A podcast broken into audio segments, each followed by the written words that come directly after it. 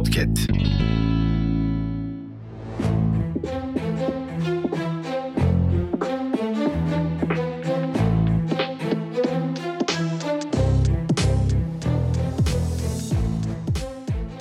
Selamlar. Bugün 14 Nisan 2023. Seçimlere tam olarak 30 gün kaldı. Geçen haftaki bölümlerde de olduğu gibi bu haftanın da en önemli gündem maddelerinden birisi elbette ki seçimler.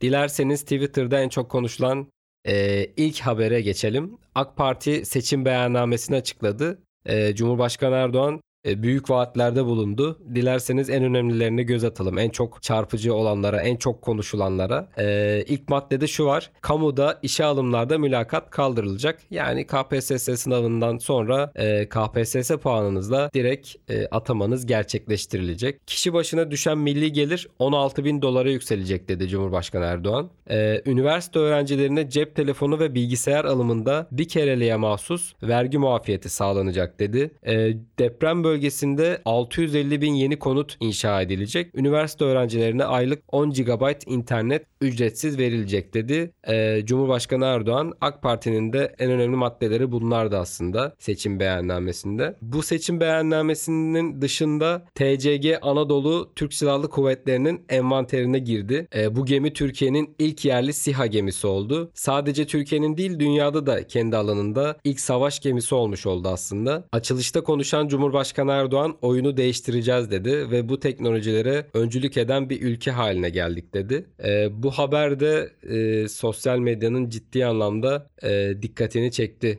diyelim. 14 Mayıs'a dediğim gibi 30 gün kaldı. Ee, bu haftanın aslında en önemli konusu milletvekili adaylarıydı siyasi partiler milletvekili adaylarını belirledi. Özellikle AK Parti'de büyük bir değişim vardı. Eski milletvekili adaylarının çoğu e, mecliste aslında belki de giremeyecekler. Bakanların tamamı Kültür ve Turizm Bakanı hariç illerin ilk sıralarından aday gösterildi. Bakanlar Kurulu artık mecliste yer alacak yeni dönemde. E, AK Parti'de başka bir durum benim gözüme çarptı.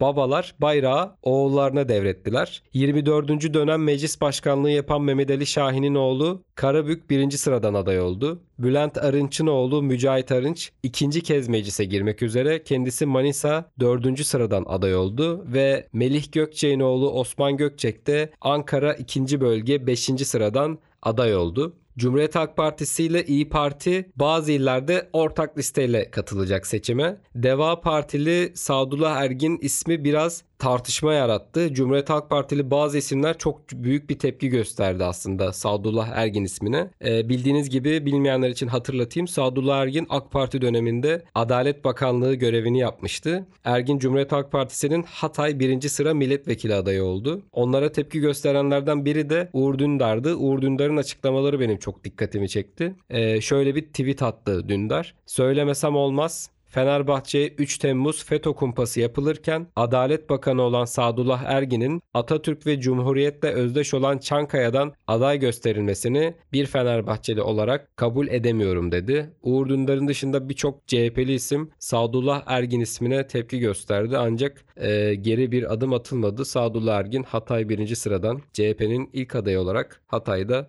e, muhtemelen meclise girecek.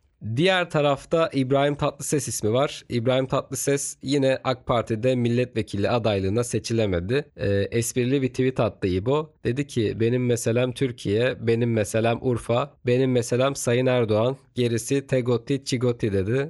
İbrahim Tatlıses. E, sonrasında bir tweet daha attı. Biz bu tablonun aşıklısıyız. Başka bir şey beni ilgilendirmiyor. Ben milletvekili olmuşum, olmamışım problem değil. Benim her zaman Sayın Cumhurbaşkanımın yanında bir koltuğum vardır. O da böyle biline dedi. Ee, seçim aslında dediğim gibi bu haftanın en çok önemli, önemli konularından birisiydi. Ee, geçen haftalarda da olduğu gibi. Ee, tam olarak 30 gün kaldı seçime ve e, partilerin gösterdiği adaylar e, bir taraftan tepki toplasa da diğer taraftan e, ciddi anlamda e, destek de var partilerin milletvekillerine. E, çalışmalar başladı. Milletvekilleri artık e, sahaya indi. Sokak sokak geziyorlar. Onlardan bir tanesi benim gözüme çarpan bir isim. E, çok da fenomen bir isim sosyal medyada.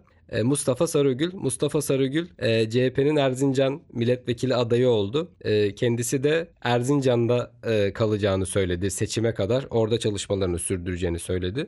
O da seçim çalışmalarına başladı. Bu da sosyal medyanın ciddi anlamda yine ilgisini, dikkatini çekti diyelim.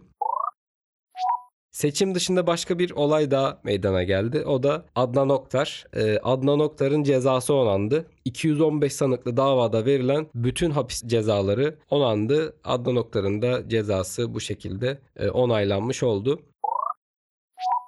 Siyasi gündem böyleydi. Biraz da spor gündemine dilerseniz göz atalım. Çok uzun girmeyeceğim spor gündemine. Çok önemli olaylar olmadı çünkü bu hafta. Ama en, en dikkat çeken, en gözüme çarpan biraz da aslında görünce mutlu olduğum bir haber var. Samsun Spor 11 yıl sonra Süper Lig'e yükseldi. Eyüp Spor'un Gençler Birliği'ne 2-0 mağlup olmasıyla 6 hafta öncesinden şampiyonluğunu aslında ilan etti ve Süper Lig'e yükselmeyi garantiledi. Samsun Spor bu sene çok iyi gidiyordu e, birincilikte. 20 maçlık bir yenilmezlik serisi vardı. Bu Süper Lig'e de yükselmeyi aslında ciddi anlamda da hak ettiğini söyleyebiliriz. Hoş geldin diyoruz Samsun Spor'a. Ben de sizlere görüşmek üzere diyorum. Programımızın sonuna geldik. Bu hafta çok uzun bir gündem yoktu. Ee, en böyle can alıcı, en detaylara girebileceğim bazı konulara girdim. Ee, dediğim gibi çok fazla gündem yoktu. Çok fazla önemli olay olmadı bu hafta. Ee, bir sonraki haftada görüşmek dileğiyle. Kendinize iyi bakın. Hoşçakalın.